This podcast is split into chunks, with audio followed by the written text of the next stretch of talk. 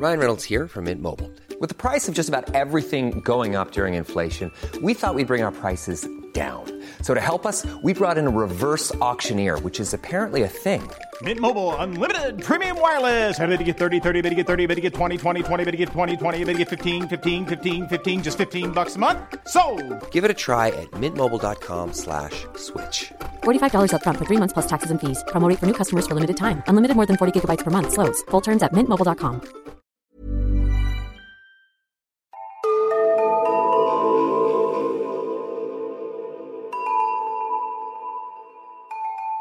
Hej och välkomna till Nära ögat, en true crime-podd för mesar. Mitt namn är Alexandra Kensdottir Och jag heter Amelia Ingman.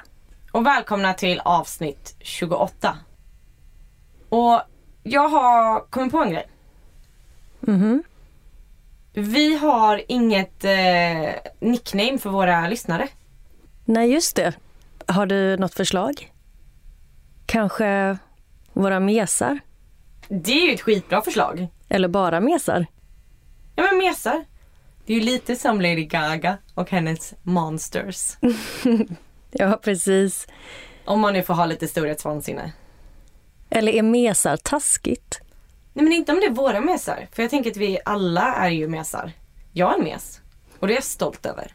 Nej, men exakt. Har man klickat igång den här podden så har vi ändå det gemensamt. Vi säger ändå ganska tydligt att det är en true crime-podd för mesar. Alltså ni kanske har mycket bättre förslag än vad vi har. Så att skicka gärna in om ni har andra förslag. Och annars kan vi lägga upp det som kommer in och så kan folk få rösta. Men hade du något annat förslag, alltså? Ja, alltså jag hade tänkt lite på ögonstenar men jag tycker att det låter lite töntigt. Det låter gulligt. Men jag tror att jag gillar mesa mer. Ja, men vi får väl se vad ni tycker. Ja, men gå gärna in på vår Instagram, nära ögat podd och håll utkik på vår story så kan vi lägga upp någonting där. Bra. Då spikar vi det till nästa vecka. Perfekt. Och vi heter även Nära ögat podd på Facebook för er som vill gå in och kolla på bilder från de olika fallen som vi tar upp. Yes! Vad säger du? Ska vi köra igång veckans avsnitt? Ja, Jag ska berätta om Yoshi Taylor. Mina källor är en dokumentär från ABC News. Och jag kommer berätta vad den heter i slutet på det här fallet. Artiklar från ABC News, mamamia.com och news.com.au. 2013 är Yoshi Taylor 41 år gammal. Hon bor strax utanför Brisbane i Australien. Yoshi har två barn. Kalila, 11 år, och Archer, 6 år. Och de har hon tillsammans med sin exman Harley Young. De hade skilt sig ungefär fyra år tidigare och Yoshi har varit singel sedan dess. Och livet har väl inte riktigt gått som Yoshi hade tänkt sig de senaste åren. Yoshi har varit lärare i många år och hon hade verkligen en stor passion för barn och lärande. Och hennes lärarsätt har alltid varit väldigt färgglatt och kreativt. Och Yoshi har alltid tänkt mycket utanför boxen. Och detta har ju barnen älskat. Men det har inte uppskattats lika mycket av hennes kollegor. Och detta har ju då lett till flera intriger och slutligen så fick Yoshi sparken. Och under den här tiden var livet ganska kämpigt. Som ensamstående tvåbarnsmamma som nu dessutom var arbetslös och hade flera stora lån att betala av. Under den här tiden så mår inte Yoshi så bra. Hon söker bland annat professionell hjälp och försöker få ordning på livet igen. Och en av hennes bästa vänner tvingar ut henne på en datingsajt som heter Tagged.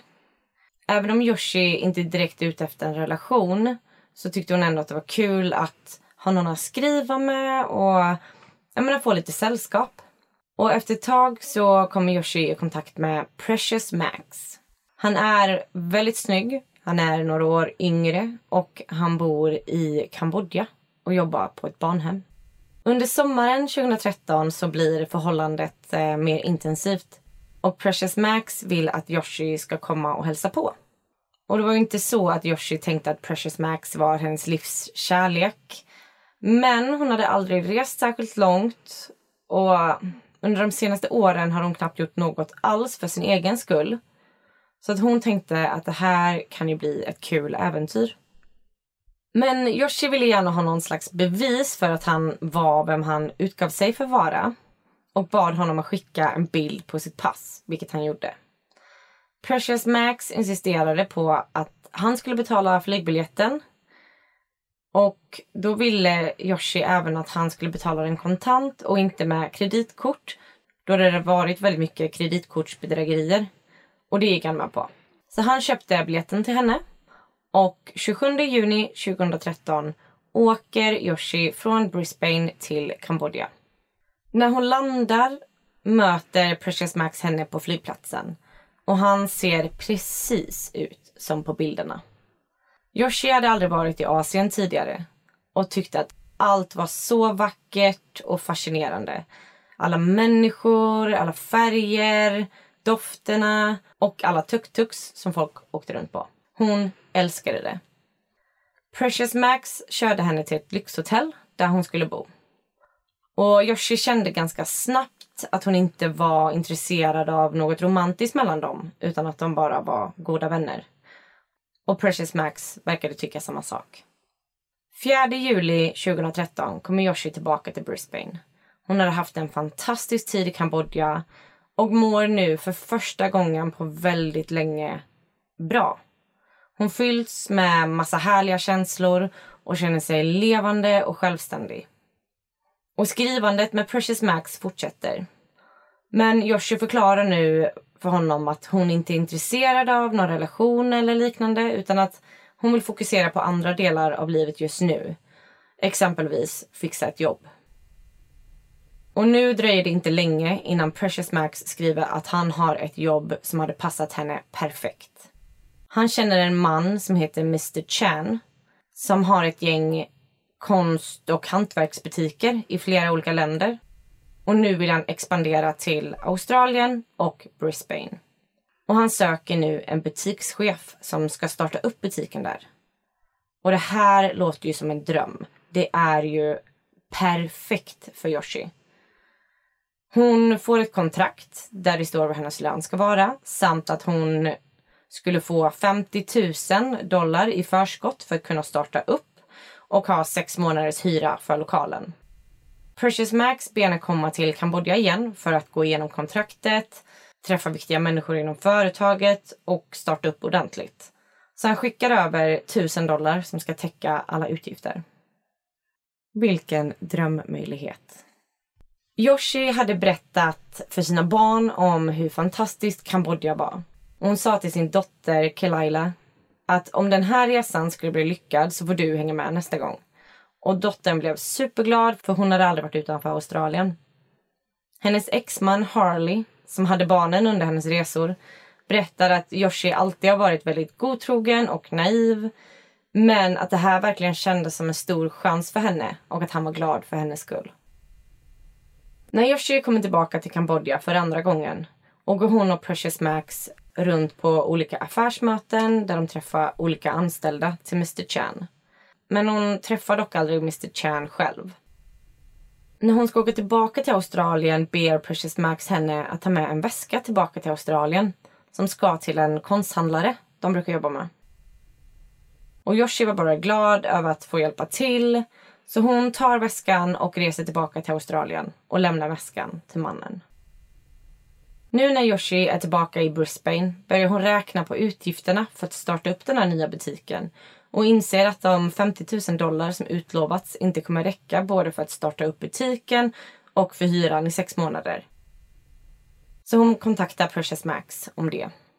De hade då redan planerat att Yoshi skulle komma tillbaka till Kambodja några veckor senare och då skulle även hennes barn få hänga med.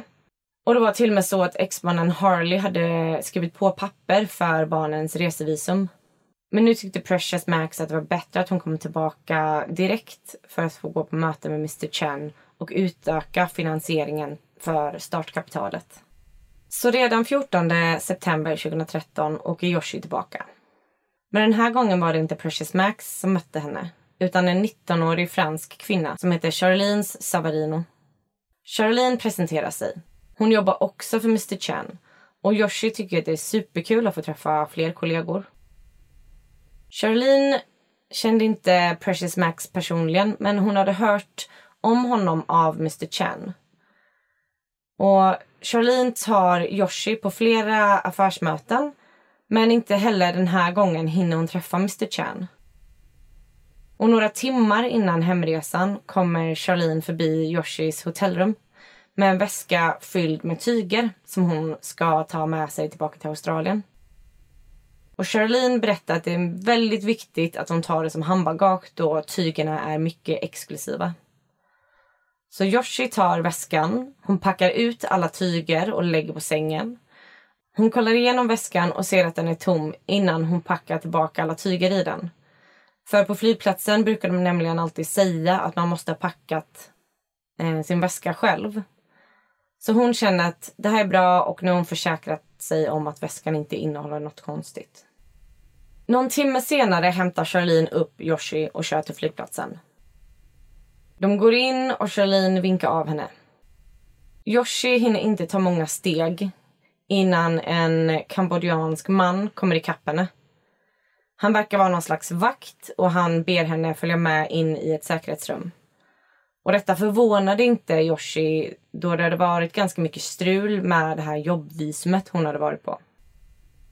Men han bad henne direkt att ta av sig ryggsäcken. Och så tog han ut tygerna. Sen tog han en kniv och skar sönder innerfodralet på väskan. Och Yoshi kunde inte tro sina ögon när hon såg massa vitt pulver trilla ut. I väskan fanns två kilo heroin. Två kilo? Mm. Det känns som att hon borde ju märkt det när hon tömde väskan och packade om den. Det är ju tungt. Mm. Det var liksom i det här... Ofta är det lite tjockare del av ryggsäcken som är liksom mellan ryggen och det som faktiskt är i väskan. Mm. Alltså själva värderingen. Där var det insytt. Men hur kunde vakten veta att hon hade det i väskan? Det kommer jag komma till alldeles strax. Vakten frågade vem som gav henne väskan. Och Yoshi svarade Charlene. En kort stund senare kom även Charlene in i rummet. Vakterna frågar då om hur Charlene har fått väskan och hon svarar att hon har fått den av Precious Max. Polisen åker dit, arresterar honom och väl i hans bostad hittas stora mängder droger och pengar. Så Yoshi, Charlene och Precious Max blir intagna till ett rum där de tar deras fingeravtryck. Och av vad Charlene berättat för Yoshi så kände ju inte Charlene och Precious Max varandra. Men där i rummet så vänder sig Precious Max till Charlene och fräser jag sa ju att du aldrig ska följa med dem till flygplatsen. I förhören får Yoshi reda på att Mr Chan inte existerar utan att det här bara var en bluff. Yoshi tänker ändå att vad skönt att Precious Max och Charlene har arresterats och vilken tur att inte mina barn var med mig. Men nu står Yoshi här med anklagelser om att hon har smugglat droger internationellt. Och hon har ingen aning om vad som kommer hända härnäst. Och för att svara på din fråga som du hade innan. Så var det så att Australian Federal Police, AFP, hade under en lång tid utrett Precious Max. Och de misstänkte att Yoshi var hans eh, smugglare. Så att det var AFP som hade tipsat den kambodjanska polisen om Yoshi. Okej. Men då kommer ju en följdfråga här. Hur visste AFP om detta? De hade utrett Precious Max länge Okej. och förmodligen haft span på honom på ett eller annat sätt. Men detta, alltså detta visste ju inte Yoshi nu när hon togs. Utan detta är ju något som framgick eh, långt senare. Okej. Och alla de här affärsmötena som Precious Max hade tagit med Yoshi på, vad var det för människor de hade träffat då? Jag är inte helt säker på exakt vad som hände under de här affärsmötena och de här affärsluncherna. Men Mr Chan fanns inte. Det här bolaget de pratade om fanns inte. Förmodligen var detta bara folk som Precious Max anställt för att lura Yoshi om att detta var affärsmöten. Så sjukt. Mm. Läskigt. Ja, vad hemskt att bli inlurad i något sånt. Mm. Verkligen. Kort efter att Yoshi blivit arresterad så ringde hon hem till sina barn och grät. Och hon sa att hon hoppades att de skulle träffas snart igen. Och att de även skulle prata snart igen. Men barnen fick inga fler samtal efter det. Yoshi sattes i ett rum med 99 andra kvinnor. Och ytan var ungefär 15 gånger 5 meter. Och i ena hörnet fanns det tre hål i marken som var toaletter. Men det fanns inget skydd. Det fanns inte ens lite tyg att gömma sig bakom. Utan det var bara mitt i rummet. Efter några veckor där flyttades hon till ett annat häkte. Den australiensiska ambassaden gav henne en lista på advokater som hon kunde välja mellan. Men det här var ju bara en lista på namn. Hon visste ju ingenting om advokaterna. Så att hon fick ju bara välja ett namn på måfå. Och Yoshi kom från en, en ganska fattig familj. Så det fanns inga extra pengar att lägga på några dyra advokater. Och exmannen Harvey ville åka till Kambodja men han hade inga pengar. Han hade inte ens råd att flyga dit och ännu mindre att spendera massa dagar på hotell där. Han var ju tvungen att vara hemma och ta hand om barnen. Så att Yoshi blev liksom utlämnad till att bara få lita på den här advokaten som hon blev tilldelad. Och det fanns väldigt mycket som pekade på att Yoshi var oskyldig. Hemma hos Precious Max hittade polisen en massa heroin. Och det var i exakt samma renhet och kvalitet som det Yoshi hade haft i väskan. Och bilden på passet som Precious Max hade skickat till henne visade sig vara fake. Och Yoshi passade inte in i mallen som drogsmugglare och hon var helt ostraffad sen tidigare. Och Yoshi hade ju bara hunnit ha ryggsäcken någon timma innan de åkte till flygplatsen. Och det visade sig att de här sömmarna som hade sytt in drogerna var osynliga för blotta ögat och det var väldigt professionellt gjort. Och att det hade tagit längre tid än tiden Yoshi hade med väskan. Samt att hon inte hade tillgång till den typ av symaskin som hade krävts för att göra ett sånt här jobb. Yoshi fick bara träffa sin advokat en gång. Och den här advokaten verkade väldigt oerfaren. Och efter rättegången så hörde Yoshi egentligen ingenting från advokaten. I maj 2014 föll domen från rättegången. Och när hon skulle få reda på sitt straff var hennes advokat inte ens där. Ingen där pratade engelska och Yoshi fick inte ens en tolk. Så när hon satt där inne och fick domen så förstod hon inte vad hennes dom innebar. Det var först efteråt när det kom fram en kvinna från ambassaden som Yoshi förstod att hon hade dömts till 23 års fängelse. Gud vad fruktansvärt. Mm. Så utelämnad och så övergiven. Att inte ens kunna få sin dom på ett språk man förstår. Men vad var detta för advokat? Hur kan man bara lämna sin klient på det sättet? Mm. Men hur lång tid sa du att det var mellan att hon greps och hon fick sin dom? Yoshi grips i september 2013 och hon får domen i maj 2014. Precious Max fick 27 år och Charlene fick 25 år. Yoshi var nu helt knäckt. Hon önskar hellre att hon vore död. Då skulle hon i alla fall slippa plåga sina barn i 23 år. Detta ledde till att Yoshi slutade äta. Och det var ingen hungerstrejk eller någonting utan det var hon kände ingen hunger. För hon kände inget hopp. Och samtidigt som detta hände hade flera australienare blivit tagna för heroinsmuggling. En kvinna som vi kommer kalla för Kay Smith hade precis som Yoshi haft kontakt med Precious Max. Kay trodde till och med att de var förlovade. Och även Kay hade fått en väska av honom att ta med till Australien. Och när hon landar i Australien och ska gå igenom tullen så hittar vakterna där två kilo heroin. Och det finns en övervakningsfilm från detta. Och det är så hemskt när man ser hennes reaktion. Hon bara lägger sig typ ner på golvet. Dels att förstå att man har blivit lurad. Och sen bara att föreställa sig vilka konsekvenser det kan ha för en. Och vi kommer lägga ut den videon på vår Instagram. För man blir väldigt tagen när man ser hennes reaktioner. Kay kunde anställa advokaten Moya O'Brien som såg till att Kays rättegång blev ogiltig förklarad då Kay var ett offer och inte en brottsling. Kay nämnde då för advokaten Moya att hon hade hört att Precious Max haft kontakt med en annan kvinna som heter Yoshi och att hon tror att det finns en risk för att hon kan åka dit för samma sak. Och Moya hittade inga uppgifter om Yoshi men tänker att det borde ju finnas ett helt australiensiskt advokatsteam som jobbar med att få hem henne om så är fallet.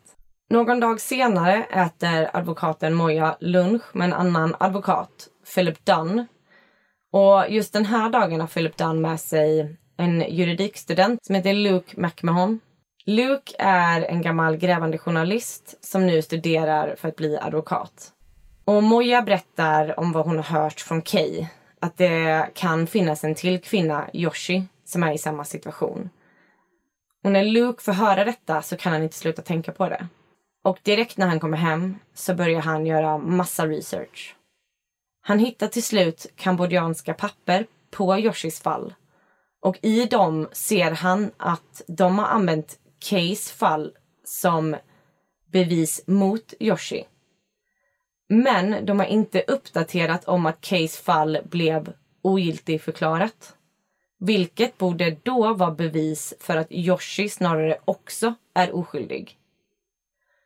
Och Luke förstår att han är något på spåren och bestämmer sig för att åka till Kambodja. Luke besöker Yoshi i fängelset. Han får inlogg till hennes Facebook och åker hem och laddar hem all data han kan hitta. Och där ser han bland annat chatten mellan Yoshi och Precious Max. Och då har han bevis för att det är samma person som Kay hade haft kontakt med. Och utöver den här chatten så hittar han även Yoshis andra chattar med vänner där hon eh, berättar om sina nya jobbmöjligheter och därmed bevisar att hon inte visste om att Precious Max höll på med droger. Och Luke åker också till alla adresser som fanns på hennes arbetskontrakt. Men på de här adresserna finns inte det här företaget som Precious Max har pratat om. Allt är bara fejk. Yoshi berättar också att hon hört om ytterligare en kvinna utöver henne själv och Kay då. Och att den här kvinnan också haft kontakt med Precious Max och sen åkt dit för heroinsmuggling. Luke och Moya googlar den här kvinnan och kommer över ett eh, tv-reportage med henne där hon berättar om att hon åkt dit för heroinsmuggling. Och när hon pratar om vem det var som hade lurat henne så visar hon bilder på honom och det är precis som i de andra fallen Precious Max. Och även den här kvinnans fall blev ogiltigförklarat. Så nu fanns det alltså två andra kvinnor som varit med om exakt samma sak som Yoshi. Men båda deras rättegångar har blivit ogiltigförklarade. Efter månaders sökande hittar Luke och Moya en advokat som kan ta sig an Yoshis fall. Nämligen advokaten Alex Wilson. Alex var väldigt erfaren och hon var själv mamma och blev extremt tagen av den här historien. Och valde då att ställa upp helt pro bono. Så att hon skulle nu alltså jobba gratis för att försöka få ut Yoshi. Och nu hittar de ännu mer information. Det finns ytterligare en australiensare som har blivit tagen för heroinsmuggling. Och det visar sig att den här mannen också har blivit lurad. Men inte av Precious Max, utan av Charlene, den 19-åriga franska tjejen. Och Charlene har ju hela tiden påstått att hon är oskyldig och hon har skyllt på Yoshi och Precious Max. Men detta bevisar ju att hon tidigare gjort liknande brott. Och den här mannen, hans fall ogiltigförklarades inte utan det gick till en rättegång. Men väl i rättegången så blev han förklarad oskyldig. Så nu fanns det alltså flera liknande fall där antingen personerna blivit eh, förklarade oskyldiga eller att hela fallet blivit ogiltigförklarat. Och detta visade ju att Precious Max och Charlene hade satt detta i system. Och att Yoshi förmodligen bara var en bricka i spelet. Och det sjuka är att Australian Federal Police, AFP, som jag pratade om innan. Det var ju de som hade tipsat den kambodjanska polisen om Yoshi. Och det sjuka är att de visste om de andra fallen hela tiden. Och om de bara hade gett den informationen till exempelvis Yoshis advokat eller vem som helst hade Yoshi kanske också fått sitt fall ogiltigförklarat direkt. Så att AFP visste om allt men valde att inte presentera den här informationen till någon utan bara lämna Yoshi, en australiensisk medborgare, att vara utlämnad i ett främmande land utan att hjälpa henne på något sätt. Och de menar att det inte är AFPs roll att uppdatera internationella myndigheter om rättegångsfall. Man blir ju väldigt trött på sån byråkrati. För det är inte mitt jobb, därför skiter jag i det. Ja, man känner ju så mycket för Yoshi. Mm. Och även om all den här informationen kom fram så tog det ju lång tid innan Yoshi fick ompröva sitt fall. Men 19 april 2019 vann Yoshi överklagan tack vare sin nya advokat Alex Wilson. Hon blev äntligen fri efter sex års fängelse i Kambodja. Advokaten Alex Wilson berättade att detta var den viktigaste segern i sin karriär under alla år som hon varit advokat. Yoshi fick nu äntligen åka hem till sina barn igen. Och även om alla var överlyckliga över beskedet så var detta fortfarande en väldigt svår tid för familjen. Barnen som innan var 11 och 6 år är nu 17 och 12 år. Och de har inte pratat med sin mamma på sex år. Men familjen jobbar varje dag för att ta igen den tid som gick förlorad. Och det enda Yoshi vill är att leva ett normalt liv. Yoshi berättar att utan Luke, Moja och Alex skulle hon förmodligen aldrig kommit ur fängelset. Hon skulle ju sitta minst 17 år till. Så hon är så tacksam över att de här människorna har tagit sin tid och sina egna pengar för att hjälpa henne. Luke åkte till Kambodja sex gånger under den här tiden och han finansierade allt själv.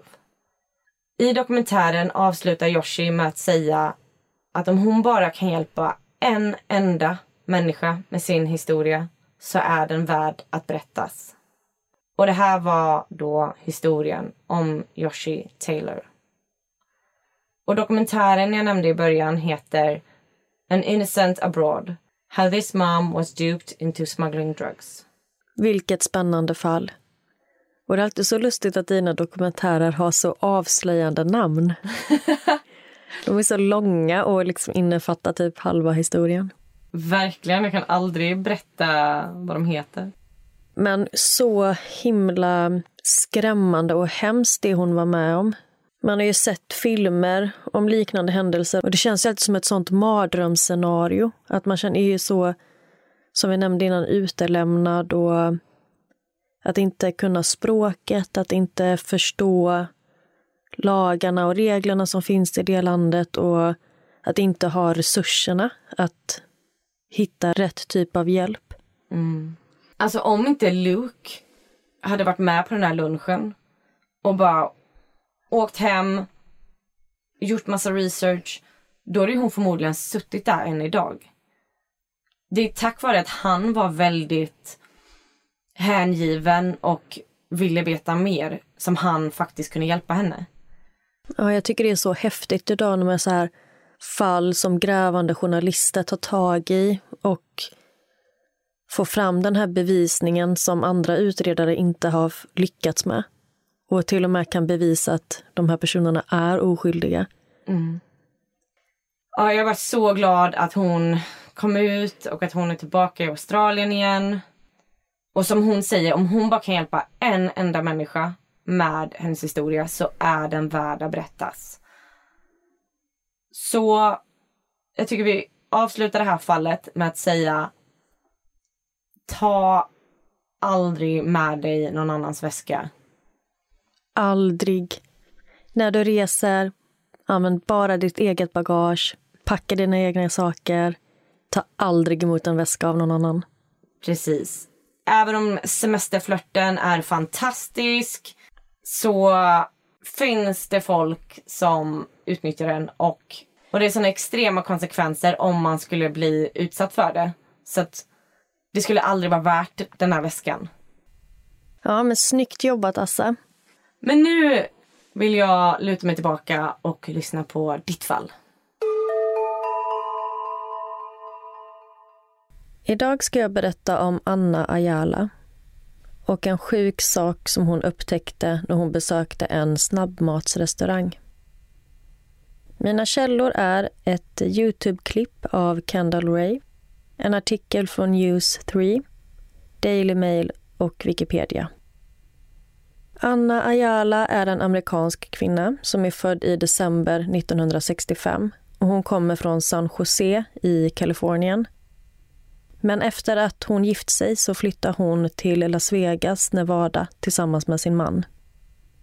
I mars 2005, när Anna är 39 år, så reser hon ensam för att hälsa på familj i hemstaden San Jose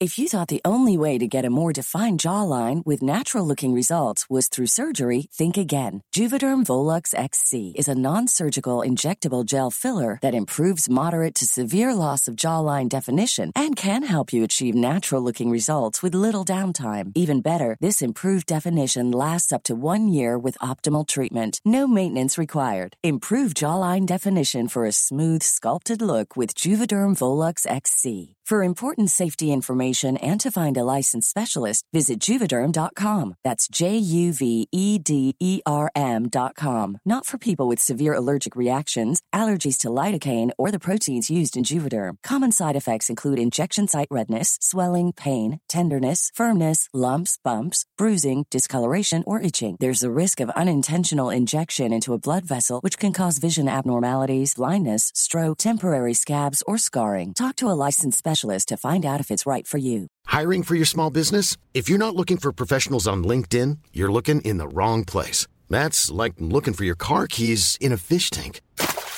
LinkedIn helps you hire professionals you can't find anywhere else, even those who aren't actively searching for a new job but might be open to the perfect role. In a given month, over 70% of LinkedIn users don't even visit other leading job sites. So start looking in the right place. With LinkedIn, you can hire professionals like a professional. Post your free job on linkedin.com slash people today.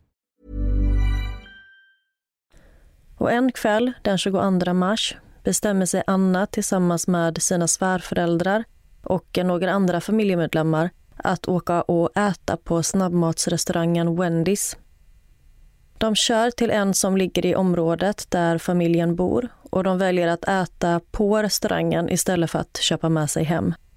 Klockan är vid sju på kvällen när Anna står framme vid kassan och beställer sin mat.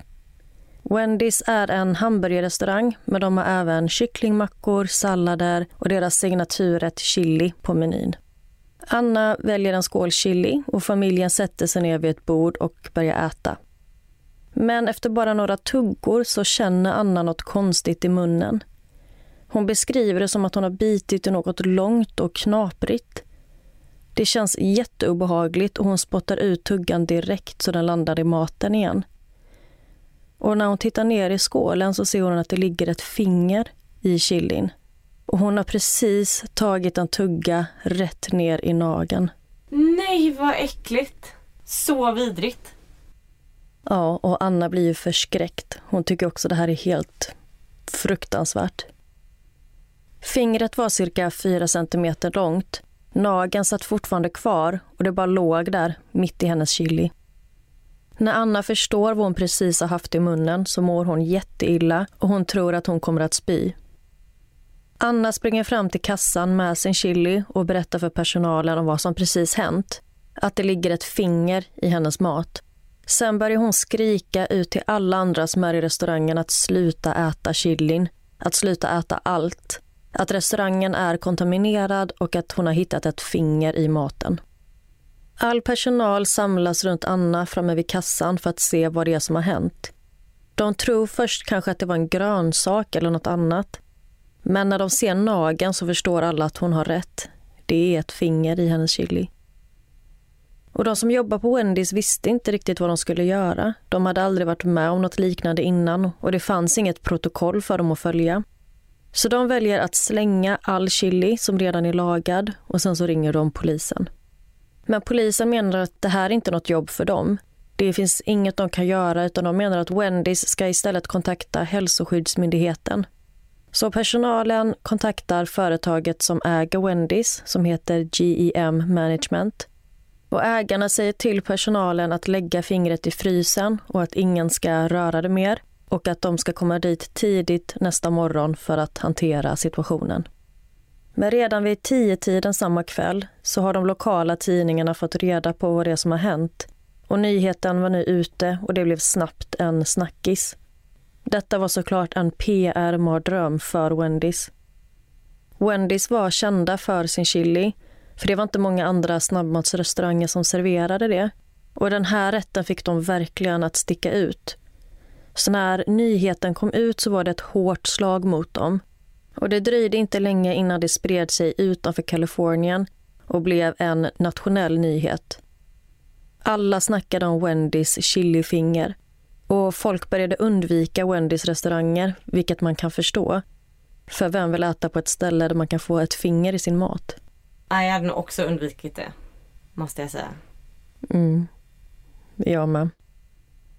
Polisen i San Jose var som sagt inte inblandade i utredningen och hade heller inget intresse av att vara det.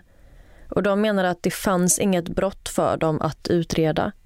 Så Wendys var tvungna att själva ansvara för att ta reda på hur detta kunde hända. Morgonen efter att Anna hittat fingret i sin chili åker två av restaurangkedjans ägare och Hälsoskyddsmyndigheten till restaurangen för att inspektera fingret. Och de är alla överens om att det är mänskligt. Vilket såklart är fruktansvärt, både för Anna men också för restaurangägarna och ägaren av fingret. Deras strategi är nu först och främst att ta reda på vems finger det är och var det kommer ifrån och hur det hamnade i deras chili.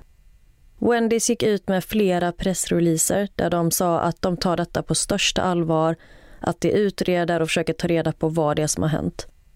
Wendys börjar med att gå igenom alla sina anställda för att se ifall någon av dem kanske saknade ett finger. Men alla hade sina fingrar kvar.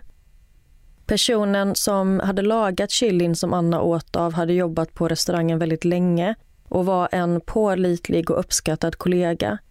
Så inga misstankar riktades mot den här personen. De undersökte även alla andra anläggningar som hanterat deras mat och råvaror för att försäkra sig om att ingen där hade förlorat ett finger. Men man kunde inte hitta någon alls. Man tänker att det kanske kan ha varit en anställd på restaurangen som har tagit med sig fingret och lagt det i chilin. Så alla anställda var tvungna att ta ett lögndetektortest inklusive personer som lagat chilin och varenda en klarade provet. Under tiden är Anna väldigt upprörd och äcklad över det hon varit med om. Och hon blir rekommenderad att uppsöka läkarvård för att försäkra sig om att hon inte blivit sjuk eller smittad av något efter hon bitit i fingret. Men som tur var så var hon helt frisk. Och Det dröjer inte länge innan Anna bestämmer sig för att stämma Wendys och hon börjar också prata med media. Hon gästar bland annat Good Morning America, ett amerikanskt morgon-tv-program. Och Där berättar hon om sin traumatiska upplevelse. Jag har inte hört om det här fallet innan. Men jag har en teori. Mhm. Jag tror att... Jag kommer klippa bort det för du har typ rätt. Va? Fan vad grym jag är! Under hela den här processen så försökte Wendys vara så samarbetsvilliga som möjligt. De arbetade tillsammans med myndigheter för att ta reda på hur detta hade kunnat ske. Men Anna var inte alls nöjd med de svaren hon fått från Wendys och hon krävde mer av dem. Anna anlitade en advokat och den här advokaten gjorde ett eh, uttalande där han sa att de var nöjda med hur allt hade inletts till en början, men att företaget måste ta ett större ansvar och hitta orsaken till det Anna utsattes för. Annas advokat representerade även fem andra personer som ätit på samma Wendys den här dagen som Anna hittat fingret och som också stämde restaurangen. Advokaten berättar för media att det finns dokumenterade bevis på att Anna faktiskt hittat ett finger i sin chili. I och med att den här historien blev nationellt känd så dök det också upp massvis med frågor både från allmänheten och media. Alla ville veta vems finger det var, hur det hade hamnat i chilin och kan man fortfarande äta på Wendys? Och Wendys förlorade väldigt mycket pengar under den här perioden. Och de blev även ett stående skämt bland alla late night shows och alla pratade om det här mystiska fingret. Wendys bestämde sig för att göra en kriminalteknisk utredning av själva fingret. Och utredningen leddes av Dr. Lynn Bates som är väldigt framgångsrik inom området. Hon och hennes team tar fingret och analyserar det och de kommer fram till att vävnaden stämmer inte alls överens med ett mänskligt kött som har kokats i 76 grader i tre timmar. Vilket var hur Wendys kockar tillagade chilin. Ett annat misstänksamt fynd de gjorde det var att de hittade inga spår av Annas saliv på fingret. Och hon hade svurit på att hon hade bitit i nageln. Så när Wendys får reda på det här så var de övertygade om att det var något som inte riktigt stämde med den här historien och att det måste vara ett bedrägeri. De kontaktade polisen igen och sa till dem att de nu misstänkte att något kriminellt kan ha hänt och att polisen måste inleda en utredning. Men innan polisen gick med på det så var Wendys först tvungna att ta reda på mer information om Anna. Men de måste vara försiktiga. För både media och allmänheten sympatiserade med Anna. Och Wendys kunde absolut inte ifrågasätta henne på något sätt eller gå in i försvarsställning. Och de kunde definitivt inte anklaga henne för något form av bedrägeri. Utan de behövde bevis. Så Wendys anlitade en privatdetektiv och när de väl började kolla på Annas förflutna så visade det sig att hon har stämt flera andra företag tidigare. Hon har hela 13 stämningar mot olika företag i Kalifornien och Nevada. Vissa av dessa stämningsansökningar innefattade bara Anna medan vissa av dem innefattade även hennes barn. En del av dem hade fått avslag men i några fall hade det ingått i en förlikning som innebar att Anna fått pengar av de här företagen. Och några exempel på de här stämningsansökningarna var bland annat mot däckföretaget Goodyear efter att ett av Annas däck hade lossnat från bilen. Men där blev hennes fall avvisat. Hon hade även stämt snabbmatsrestaurangen El Pollo Loco efter att Anna påstod att dottern Genesis fått salmonella efter att de ätit på restaurangen. Efter detta var en talesperson från El Pollo Loco tvungen att publikt gå ut och säga att det inte fanns några som helst bevis som styrkte Annas påstående. Och det fanns heller inte några bevis som pekade på att dottern blivit sjuk av just deras mat. Men enligt Anna så vann hon ändå den här stämningen och att hon tilldelades 30 000 dollar. Men företaget menar på att det här stämmer inte. Att de har inte betalat henne några pengar och att hon inte alls vann. Efter att Wendys fått fram den här informationen om Annas förflutna så meddelade de polisen. Och nu var polisen villiga att öppna upp en undersökning. De började med att intervjua Annas vänner och familj. Och genom de här intervjuerna så kom polisen i kontakt med en man som heter Ken Bono. Ken är 24 år gammal och han bor tillsammans med Anna och hennes man Jamie i Nevada. Han berättar för polisen att han tror att det finns en möjlighet att fingret kan tillhöra Annas döda moster. Anna förnekar detta och säger att alla hennes mostrar och fastrar är fortfarande vid liv. Men polisen var ändå misstänksamma. Så den 8 april, cirka två och en halv vecka efter själva Chili-incidenten, så får polisen i Las Vegas en husrannsakan för att söka igenom Annas hem. Det är cirka 12 poliser som är med vid husrannsakan och de sätter handklovar på alla som befinner sig i hemmet och för dem ut ur huset. Enligt Ken så sökte polisen igenom allt, framförallt kyl och frys, skafferi, skåp och lådor och ja, alla platser där man skulle kunna gömma undan kroppsdelar. De sökte även igenom en låda med Annas mosters gamla tillhörigheter från när hon bott hemma hos dem. Media börjar nu rapportera om att det kanske skulle kunna vara så att det är Annas mosters finger. Men polisen lämnar inte ut någon information om utredningen. Man vet bara att polisen har börjat undersöka Anna, men man har fortfarande ingen aning om vad de har hittat och polisen går heller inte ut med information om mostern fortfarande är vid liv eller inte. Så Anna kontaktar själv pressen igen och i en intervju med San Francisco Chronicle så ger hon en helt annan bild än vad polisutredningen har hintat om. Hon berättar att det var en fruktansvärt traumatisk upplevelse när polisen stormade hemmet. Hon säger att polisen kom in med dragna vapen när de skulle göra husrannsakan. Och hon menar att sin ena dotter fick ett muskelband avslitet när polisen kastade ner henne på golvet. Och i och med Annas bakgrund så vet man inte riktigt om man ska lita på det hon säger eller inte. Men Anna säger att hela situationen var förnedrande. Att de tvingade ut henne med de här handklovarna på sig och att både hon och familjen var tvungna att ligga på infarten framför huset så att alla grannar kunde se. Men när media intervjuar några av Annas grannar så säger de att det inte alls var så dramatiskt som Anna påstår. Anna börjar nu även ge svar på tal gällande bedrägerianklagelserna. I en intervju säger hon att vad skulle man ens kunna få tag på ett finger någonstans? Men efter ett tag så börjar media vända sig emot henne. Ju mer information som kom ut gällande utredningen, desto tydligare blev det att Anna hade ljugit. Den 12 april väljer Anna att dra tillbaka stämningsansökan. Efter det så var det såklart många som ville intervjua Anna om detta och man ville ta reda på varför hon valt att dra tillbaka anmälan. Men hon slutade helt att prata med media och hon menade att det var för mycket för henne att hantera. Annas familj står bakom henne i allt detta och de försvarar henne. Annas syster Mary säger att Anna skulle aldrig någonsin ljuga om något sånt här. Att det fanns inte någon anledning för henne att göra det och Anna ville nu bara glömma allt som har hänt, lägga det bakom sig och gå vidare med livet. Men Wendys hade ingen lust att bara strunta i detta. De ville fortfarande komma till botten med vad det var som faktiskt hade hänt. Och de hade nu förlorat miljontals med dollar i och med att de förlorat så många kunder och de var tvungna att rentvå sitt namn och rädda sitt rykte. Så Wendys väljer att starta en tipslinje dit man kan ringa in och eh, lämna tips gällande fallet. Och de erbjöd en belöning på 50 000 dollar till den som kan ge information om fingret. Det var fortfarande ett mysterium vems finger det var och Wendys visste att om man fick reda på var fingret kom ifrån så skulle de kunna rentvå sitt namn. De misstänkte att fingret eventuellt tillhörde en kvinna eftersom nageln såg ut att vara manikurerad. Men de fick in ett tips på att fingret kanske kunde tillhöra en man som jobbat på en ranch. Och det var faktiskt mexikanska myndigheter som skickade in det tipset.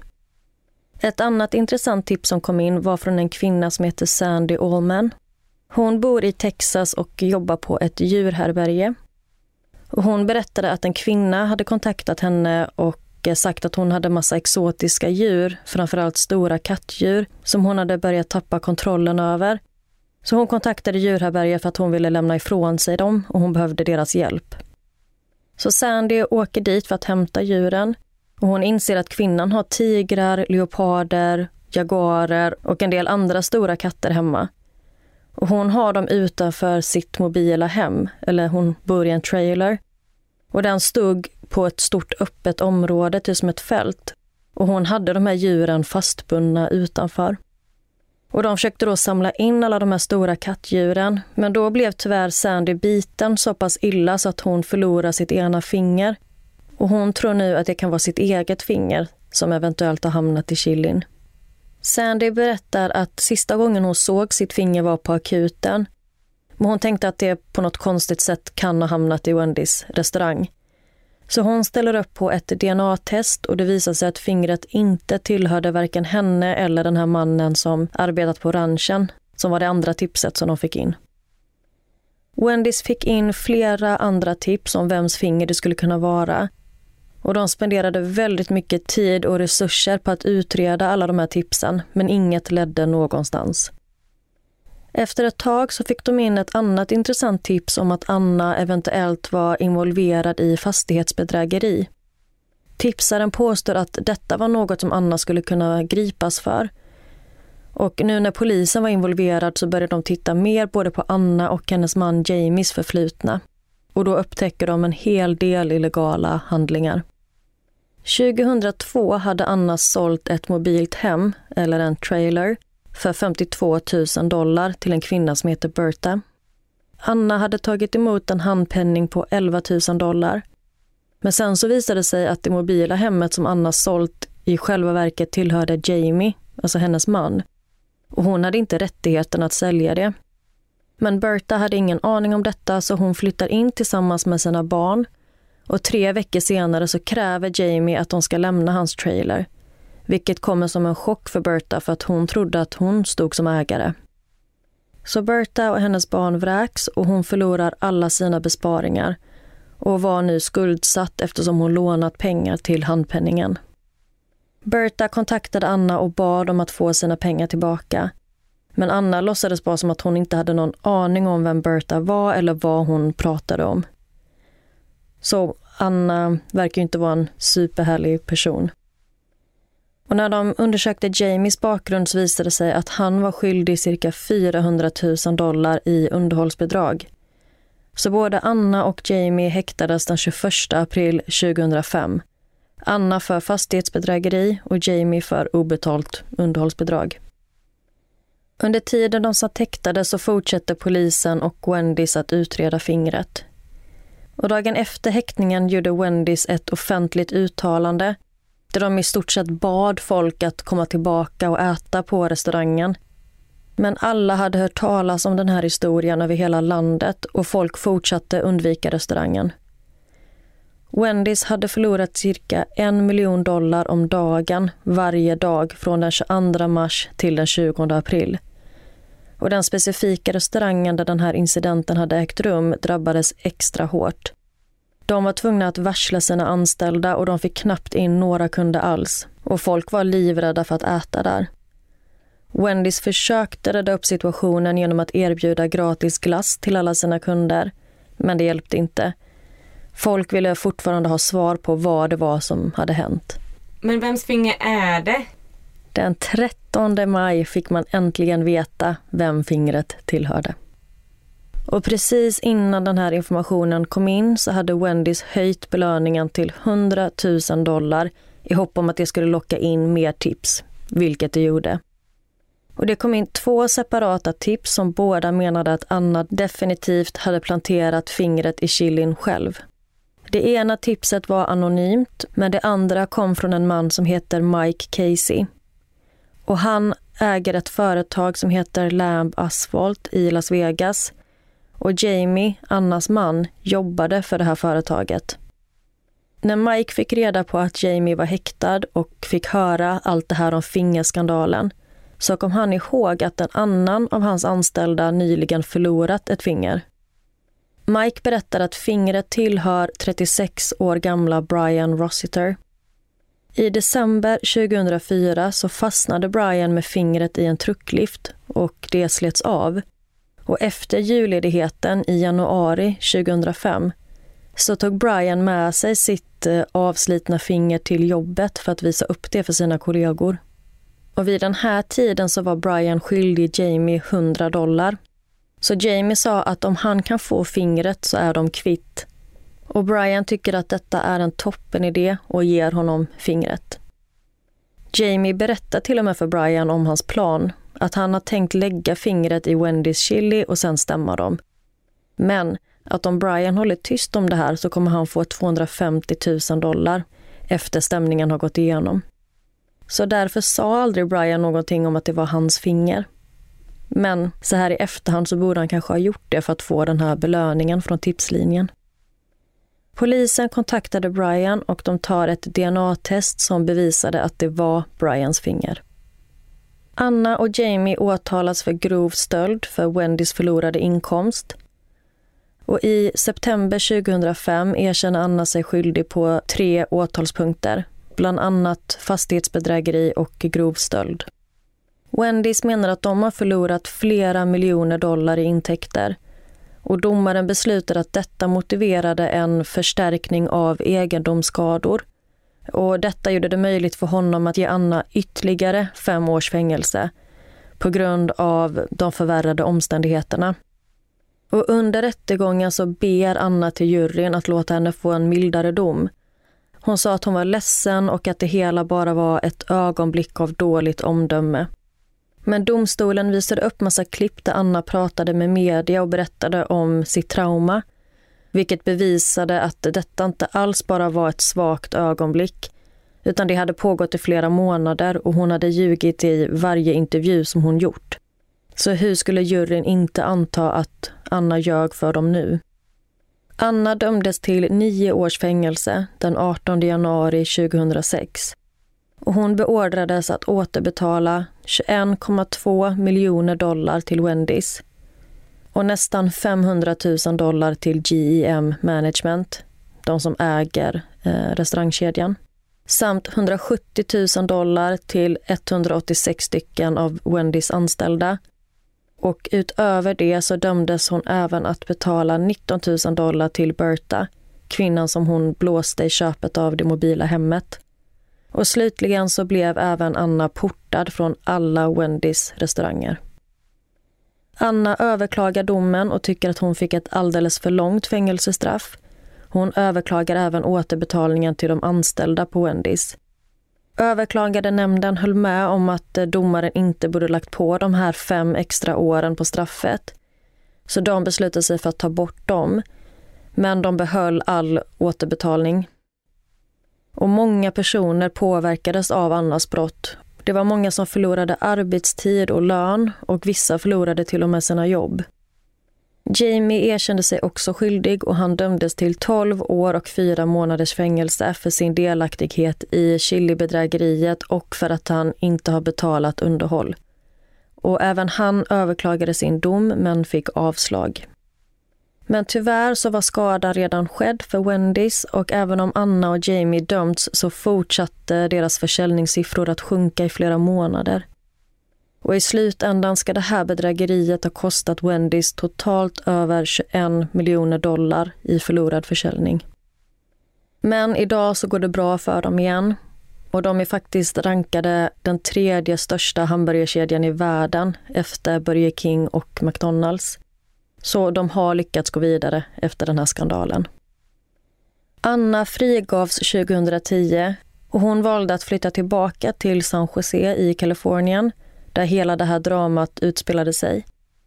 Och hon låg ganska lågt i cirka ett år efter hon kom ut. Men sen så började hon prata med media igen och hon gjorde en intervju med CBS där hon bad om ursäkt för hela bedrägeriet. Att hon inte var på en bra plats när det hände. Och I intervjun så pratar hon också om hur tuff tiden i fängelset var för henne. Att de andra kvinnorna inte var snälla mot henne, att de hånade henne för hela den här fingergrejen och att de kallade henne för the chili finger lady. Hon säger att det var så himla jobbigt för henne och till och med vakterna retade henne. Men sen kom det fram ett inspelat samtal från fängelset där Anna har sagt att de andra tyckte hon var en kändis och att de till och med hade bett om hennes autograf in i fängelset. Och det är det här som är hela grejen med Anna. Man vet aldrig vad som är sant eller inte. Och en sista intressant sak som hon nämnde i intervjun var att hon faktiskt hade tillagat fingret själv hemma innan hon tog med det till Wendys restaurangen. För hon tänkte att det skulle få det att se mer äkta ut. Att det skulle vara mer trovärdigt att det hade tillagats i chilin om hon kokade först.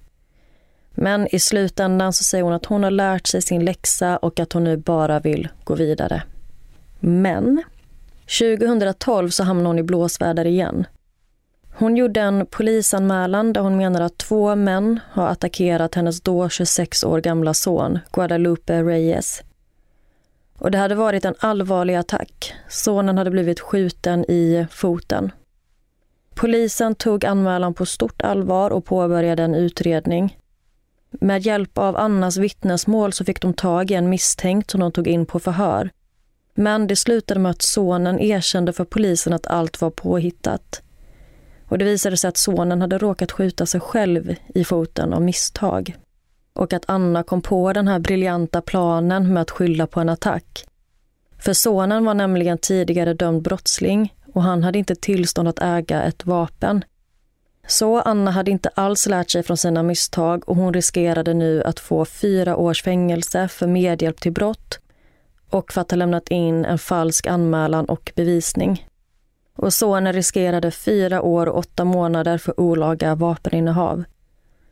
Och 2013 så dömdes Anna då till ytterligare två år i fängelse.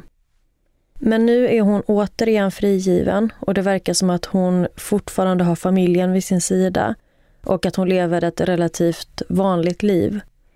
Men i San Jose så kallas hon fortfarande för The Chili Finger Lady. Och det var historien om Anna Ayala. Vilken sjuk historia. Jag älskar ju när man går till botten med såna här urban legends. Ja, och man har ju hört massa liknande historier förr från andra restauranger där man har hittat andra äckliga grejer i maten.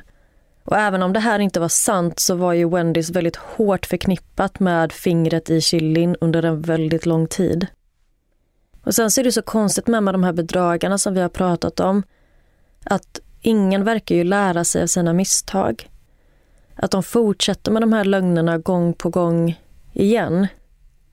Och även om Anna kanske tänkte att hon skyddade sin son genom den här falska anmälan så är det ändå så sjukt att hon kunde sitta i polisförhör och ge en så detaljerad beskrivning av de här gärningsmännen så att poliserna ändå lyckas ta in en misstänkt. Mm. Och att de ändå la massa tid och resurser på den här utredningen och att de tog det ändå på sånt stort allvar. Och det måste vara så jobbigt för hennes familj och hennes son att hela tiden vara omgiven av alltså någon som ljuger så mycket. Mm. Och som manipulerar och som förmodligen är väldigt duktig på att pusha på och få med andra. Mm. Och Anna hade ju inte bara haft med sonen då utan även hennes yngre barn. Så det verkar som att hela familjen fick bara vävas in i det här beteendet. Ja, man undrar ju vad som händer med hennes barn, hur de, vad som kommer hända med dem. Mm. Det är ändå kul att jag hade typ helt rätt i min teori. Som du sa att du skulle kliva bort. Ja, du var väldigt bra på att gissa. Jag chansade då på att det var Anna själv som har gjort det här. Men jag trodde också att det var hennes mans finger. Ja, och det var ju hennes man som hade fixat fingret så det var ju nästan helt rätt. Jag är ganska bra på Cluedo. Ja, bra Det var gissat. Anna med fingret på Wendys. Exakt. Ja men jag borde ändå få VG på den. Plus. Tack. Ja, och förutom Annas familj så är det ju också personalen och anställda på Wendy som drabbades och framförallt den här killen som hade tillagat chilin. Han fick utstå väldigt mycket kritik efter Annas anmälan. Det var många som trodde att han låg bakom hela den här grejen och det kom till och med fram människor som skrek till honom, vem har du mördat? Och han förlorade till och med vänner över detta så att den personen hade det inte helt lätt. Jag tror att personer som Anna aldrig någonsin reflekterar över hur många personer hon påverkar. Alltså hur många led hennes lögn kommer påverka människor i. Mm, nej, det tror inte jag heller. Utan jag tror att hon tänkte att det är restaurangen som kommer lida och de har råd att betala. Precis. Ja, men det var allt jag hade idag. Så tack så jättemycket alla som har lyssnat. Ja, och vi tänkte också bara flagga lite för att nästa veckas avsnitt är vårt sista avsnitt innan vårt sommaruppehåll. Ja, precis. Vi tycker att vi förtjänar lite sommarlov. Ja. Så vi kommer ge lite mer information i nästa veckas avsnitt. Men se till att eh, följa oss på Instagram, Facebook, där vi heter Nära ögat podd och prenumerera på podden så kommer ni få all information där. Precis. Vi hörs igen nästa vecka. Det gör vi. Ha det fint. Puss puss. Puss hej.